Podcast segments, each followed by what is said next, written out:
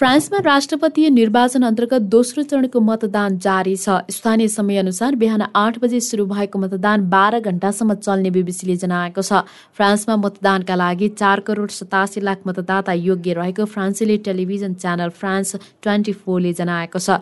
दोस्रो चरणमा वर्तमान राष्ट्रपति म्यानुएल म्याक्रोन र दक्षिणपन्थी उम्मेद्वार मणि पेनबीच प्रतिस्पर्धा भइरहेको छ। यसअघि गत अप्रेल दसमा भएको पहिलो चरणको मतदानमा म्याक्रोनले सत्ताइस दशमलव आठ तथा ले पेनले तेइस दशमलव एक प्रतिशत मत प्राप्त गरेका थिए। पहिलो चरणको मतदानमा कुनै पनि उम्मेद्वारले पचास प्रतिशत भन्दा धेरै मत प्राप्त गर्न नसकेपछि दोस्रो चरणको मतदान हुने प्रावधान अनुसार मतदान भइरहेको हो। सर्वेक्षणहरूले म्याक्रोनले चुनाव जित्ने नतिजा देखाए पनि ले पेनको पराजयलाई स्वीकार गरिहाल्न नसकिने अन्तर्राष्ट्रिय सञ्चार माध्यमहरूले जनाएका छन्। ऊर्जा एवं खाद्यान्न जस्ता अत्यावश्यक वस्तुको मूल्यवृद्धि मुद्दा मुद्रास्फीति युक्रेनमा जारी रुसी आक्रमण लगायतका मुद्दा यो चुनावका प्रमुख मुद्दा रहेको बताइएको छ। मतदान सकिएको केही समयपछि फ्रान्सेली टेलिभिजनले नतिजा सार्वजनिक गर्ने फ्रान्स ट्वेन्टी फोरले जनाएको छ। चुनावको नतिजा जस्तो आए पनि राष्ट्रपति म्याक्रोनले आइतबार अबेर पेरिसको आइफेल टावरबाट सम्बोधन गर्ने कार्यक्रम रहेको बिबिसीले जनाएको छ। उत्तरी जापानमा हराइरहेको डुङ्गामा दसजनाको मृत्यु भएको पुष्टि भएको छ। जापानी उद्धारकर्ताहरूलाई उद्धित गर्दै समाचार संस्था एपीले दसजनाको मृत्यु भएको पुष्टि गरेको हो। होक्काइदो टापु स्थित सिरितोको प्राय द्वीपमा तटपारी डुङ्गा बेपत्ता भएको बिबिसीले जनाएको छ। मारिने मध्ये सातजना पुरुष तथा तीनजना महिला रहेको जनाइएको छ। छब्बिसजना बोकेको काजु वान नामक पर्यटकीय डुङ्गा शनिबार अपराह एक बजेबाट हराइरहेको जापानी अधिकारीहरूले जनाएका छन्। उक्त डुङ्गामा चौबिसजना यात्रु र दुईजना चालक दलका सदस्य रहेको बिबिसीले जनाएको छ। यात्रु मध्ये दुईजना बालबालिका रहेको बताइएको छ। उक्त डुङ्गा अस्थिर समुद्र र चट्टानी तटका कारण डुबेको हुन सक्ने अनुमान गरिएको छ। होकाइदो टापुको सिरितोको प्रायद्वीपमा होयल माछा सी लायन खैरो भालु र अन्य आकर्षक स्थानको भ्रमण गर्नका लागि ठूलो संख्यामा पर्यटक आउने बताइन्छ। हराइरहेका बाँकी सोह्रजनाको खोजी कार्य जारी छ। यता जापानको यातायात मन्त्रालयले भने घटनाको अनुसन्धान थालेको जनाएको छ। खराब मौसमका बावजुद उक्त डुङ्गा सञ्चालकलाई कसरी डुङ्गा चलाउन दिइयो भन्ने बारे छानबिन भइरहेको यातायात मन्त्रालयलाई उद्धित गर्दै एपीले जनाएको छ। गत वर्ष सिरोतोको प्लेजर क्रू नामक डुङ्गा सञ्चालक कम्पनीले दुईवटा दुर्घटना बिहोरेको एपीले जनाएको छ। नाइजेरियाको दक्षिण राज्यमा इमोमा रहेको एक तेल प्रशोधन केन्द्रमा भएको विस्फोटमा सयजना भन्दा धेरैको ज्यान गएको छ। नाइजेरियाका अधिकारीहरूका अनुसार सो तेल प्रशोधन केन्द्र विधिवत रूपमा दर्ता नभई अवैध रूपमा सञ्चालन भइरहेको चिनिया समाचार संस्था सिन्हुवाले जनाएको छ। इमो राज्यका प्रहरी प्रमुखले दिएको जानकारी अनुसार उक्त प्रशोधन केन्द्रमा विस्फोट हुँदा काममा खटिएका सयजना भन्दा धेरै कर्मचारीको ज्यान गएको हो। उक्त प्रशोधन केन्द्रमा काम गरिरहेका बखत अकस्मात आगलागी भएको र लगत्तै विस्फोट भएको जनाइएको छ। विस्फोटमा परेर अरू केही व्यक्ति घाइते पनि भएका छन्। उक्त केन्द्र प्रहरीले नियन्त्रणमा लिएर अनुसन्धान जारी राखेको जनाइएको छ। अवैध रूपमा सञ्चालन गरिएको सो तेल प्रशोधन केन्द्रमा आवश्यक सुरक्षा मापदण्ड पनि नअपनाइएकाले यो दुर्घटना भएको नसक्ने अनुमान प्रहरीले गरेको छ। रुसी फौजले दक्षिणी युक्रेनको ओदेसा सहरमा छेप्यास र आक्रमण गर्दा कम्तीमा आठजनाको मृत्यु भएको छ। ओदेसा सहरमा रहेको सैन्य पूर्वाधारलाई लक्षित गरी रुसी छेप्यास र आक्रमण भएको बीबीसीले जनाएको छ। यद्यपि आक्रमणका क्रममा दुई आवासीय भवन पनि क्षतिग्रस्त भएको बताइएको छ। मारिनेमा तीन महिने शिशु र उनकी आमा समेत रहेको बीबीसीले जनाएको छ। मारिने आमाको नाम भलेरिया र उनकी शिशु छोरीको नाम किरा रहेको बीबीसी युक्रेनी सेवाकी पत्रकार मिरोस्लावा पेस्ताले जानकारी दिएकी छन्। यता युक्रेनी राष्ट्रपति भ्लोदिमिर जेलेन्स्कीले ओदेसामा भएको छेप्यास र आक्रमणको निन्दा गरेको बीबीसीले जनाएको छ। यो एकदमै आतंक हो उनीहरूलाई मतलब नै छैन उनलाई उद्धित गर्दै बीबीसीले जनाएको छ।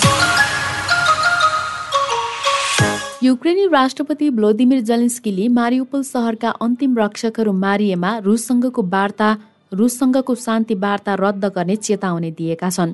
रणनीतिक रूपमा महत्वपूर्ण मानिएको उक्त सहरलाई रुसले ध्वस्त पारेको छ। सहर कब्जा गरेपछि त्यहाँ रहेका युक्रेनी सुरक्षाकर्मीलाई रुसी सेनाले घेराबन्दी गरेका विवरण सार्वजनिक भएका छन्। यसअघि सार्वजनिक भएको एउटा भिडियोमा महिला र बालबालिकाहरू स्टिल कारखाना मुनिको बङ्करमा आश्रय लिइरहेका र अन्तिम रक्षकहरू कारखाना बाहिर रहेका देखिन्छन्। तीव्र गोलाबारीका कारण त्यहाँ सर्वसाधारणको उद्धार प्रभावित भएको अधिकारीहरूले बताएका छन्। रुसी राष्ट्रपति भ्लादिमिर पुटिनले पूर्वी बन्दरगाह सहर मारियोपललाई युक्रेनबाट मुक्त गरिएको बताउँदै आफ्ना सेनाको प्रशंसा गरेका छन्। लेबनानको उत्तरी सहर त्रिपोली नजिक समुद्रमा साठीजना बोकेको डुङ्गा डुबेको छ। सामाजिक सञ्जालमा पोस्ट गर्दै लेबनानको रेड क्रसले त्रिपोली सहरको तटपारी यात्रुवाहक डुङ्गा डुबेको जानकारी दिएको हो। हावाहुरीका साथै समुद्रमा आएको उच्च छालका कारण डुङ्गा डुबेको अनुमान गरिएको छ। उक्त डुङ्गामा लेबनान छाडेर विदेश जान चाहने आप्रवासी रहेको अन्तर्राष्ट्रिय सञ्चार माध्यमले जनाएका छन्। तर यस दुर्घटनाको अनुसन्धान सुरु भएको र अहिले नै के कारणले यो डुङ्गा डुबेको हो भन्ने बारे पत्ता नलागिसकेको लेबनानको रेड क्रसका अधिकारीहरूले जनाएका छन्। उक्त रेड क्रसले सो क्षेत्रमा उद्धारका लागि सातवटा एम्बुलेन्स पठाएको जनाएको छ। डुङ्गा दुर्घटनामा परि एकजनाको मृत्यु भएको छ। अरू पैँतालिस जनाको उद्धार गरिएको कतारी television channel Al Jazeera online संस्करणले जनाएको छ। युक्रेनमा जारी रुसी आक्रमण अन्त्यको पहलस्वरूप रुस र युक्रेनको भ्रमणमा जान लागेका संयुक्त राष्ट्रका महासचिव एन्टोनियो गुटरेसले टर्कीको पनि भ्रमण गर्ने भएका छन्। उनले रुस र युक्रेन जानु अघि टर्कीको भ्रमण गर्ने संयुक्त राष्ट्रसङ्घले जारी गरेको विज्ञप्तिमा उल्लेख छ। उनी सोमबार टर्कीको राजधानी अङ्कारा पुग्ने बिबिसीले जनाएको छ। त्यहाँ उनले राष्ट्रपति रेजेप तैयब एर्दोगानसँग भेटवार्ता गर्ने कार्यक्रम रहेको बताइएको छ। त्यसपछि मङ्गलबार उनी रुस पुगी त्यहाँका राष्ट्रपति भ्लादिमिर पुटिन तथा विदेश मन्त्री सर्गेई लाभ्रोभसँग भेटवार्ता गर्नेछन्। त्यस्तै बुधबार उनी युक्रेनको राजधानी किभ जाने बताइएको छ। त्यहाँ उनले युक्रेनी राष्ट्रपति भ्लोदिमिर जेलेन्स्की तथा विदेश मन्त्री दिमित्र कुलिभासँग पनि भेटवार्ता गर्नेछन्। टर्कीले रुस र युक्रेनबीच मध्यस्थकर्ताको भूमिका निभाउँदै आएको छ। केही समय अघि दुई मुलुकका वार्ता टोलीले टर्कीको स्थानबुल सहरमा शान्ति वार्ता गरेका थिए। पूर्वी युक्रेनको लुहान्स क्षेत्रमा रुसी गोलाबारीमा आठजनाको मृत्यु भएको छ। लुहान्स क्षेत्रका गभर्नर सेरी हाइदाईले सामाजिक सञ्जाल टेलिग्राममा पोस्ट गर्दै रुसी आक्रमणमा आठजना मारिएको जानकारी दिएका हुन्। टेलिग्राममा उनले गोलाबारीका क्रममा हेरस्के र जोलोटो सहरमा छजनाको मृत्यु भएको बताए त्यस्तै पोपास्न सहरमा अरू दुई महिलाको शव फेला परेको उनको भनाइ छ। उनले लुहान्स क्षेत्रको सेवेरो डेनेतस्क सहरमा रहेको प्रहरी चौकी पनि ध्वस्त भएको जानकारी दिएको बिबिसीले जनाएको छ। गत फेब्रुअरी चौबिसमा रुसले राजधानी किप कब्जा गर्ने रणनीतिका साथ युक्रेनमाथि आक्रमण गरे पनि उक्त योजना असफल भएपछि रुसी सेनाले हाल पूर्वी युक्रेनमाथि आफ्नो आक्रमण केन्द्रित गरिरहेको छ। युक्रेनी राष्ट्रपति भ्लोदिमिर जेलेन्स्कीले रुसी समकक्षी भ्लादिमिर पुटिनसँग भेटका लागि आफू तयार रहेको दोहोर्याएका छन्। राजधानी किपको भूमिगत रेल स्टेसनमा आयोजित पत्रकार सम्मेलनमा राष्ट्रपति जेलेन्स्कीले पुटिनसँग भेट गर्न आफू तयार रहेको बताएका हुन्। मेरो विचारमा जसले यो युद्ध सुरु गरेको हो उसले यसको अन्त्य पनि गर्न सक्छ उनले भने। रुस र युक्रेन बीच शान्ति स्थापना हुने भए पुटिनसँग भेट गर्न आफू नडराउने उनले बताए। सुरुदेखि नै मैले रुसी राष्ट्रपतिसँग कुरा गर्न चाहिरहेको छु। उनलाई उद्धित गर्दै कतारी टेलिभिजन च्यानल अल जजेडाको अनलाइन संस्करणले जनाएको छ। उनीसँग भेट गर्नु मेरो चाहना होइन। म उनीसँग भेट गर्न चाहन्छु ताकि यो युद्ध कुटनीतिक माध्यमबाट समाधान होस्। उनले भने हामीलाई साझेदारहरूप्रति भरोसा छ तर रुसप्रति कुनै भरोसा छैन। युक्रेनी सेनाले रुसी सैनिक कमान्ड पोस्टलाई लक्षित गरी आक्रमण गर्दा दुई वरिष्ठ रुसी सैनिक मारी अधिकारी मारिएका छन्। युक्रेनबाट रुसले कब्जामा लिएको दक्षिणी सहर खेरसनमा रहेको रुसी सैनिक कमान्ड पोस्टलाई लक्षित गरी आक्रमण गरिएको युक्रेनी सेनाले जनाएको हो।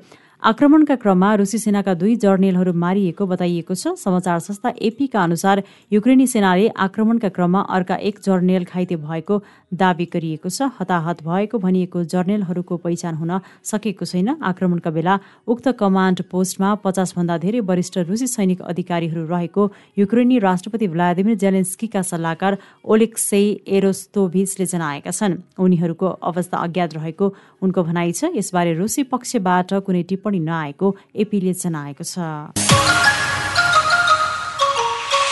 र टर्कीले रुसबाट सिरिया जाने सैनिक तथा नागरिक उडानका लागि आफ्नो आकाशको प्रयोगमा प्रतिबन्ध लगाएको छ। टर्कीका विदेश मन्त्री मेलभत चाबु सोग्लुले यसबारे जानकारी दिएका हुन्। हामीले हाम्रो आकाशलाई रुसका सैनिक विमानहरूका लागि नागरिक विमानका लागि पनि सिरियातर्फ जान बन्द गरेका छौँ। चाबु सोग्लेलाई उद्धित गर्दै टर्की सञ्चार माध्यमले जनाएका छन्। उनीहरूसँग अप्रेलसम्मको समय थियो र हामीले मार्चमा यसबारे सोधेका थियौँ। यसबारे रुसी विदेश मन्त्री सर्गेई ल्याब्रोभलाई जानकारी गराइएको र विदेश मन्त्री लाभ्रोभले यस जानकारीलाई रुसी राष्ट्रपति भ्लादिमिर पुटिनसम्म पुर्याउने चाबु सोग्लुले जनाएका छन्। एक वा दुई दिनपछि उनीहरूले भने पुटिनले आदेश जारी गरेका छन् हामी उडान भर्दैनौँ। ल्याटिन अमेरिकी मुलुक उरुग्वे जाने क्रममा टर्किस विदेश मन्त्रीले भने उनका अनुसार यस प्रतिबन्ध तीन महिनासम्म चल्नेछ। यसबारे रुसी पक्षबाट कुनै प्रतिक्रिया नआएको कतारी टेलिभिजन च्यानल अल जजिराको अनलाइन संस्करणले जनाएको छ। रुसले सिरियाली विद्रोही विरुद्ध राष्ट्रपति बसार अल असदको सत्तालाई सैनिक सहयोग गर्दै आएको छ भने टर्कीले सिरियाली राष्ट्रपति विरुद्ध लड्दै आएको विद्रोहीहरूलाई समर्थन गर्दै आएको छ।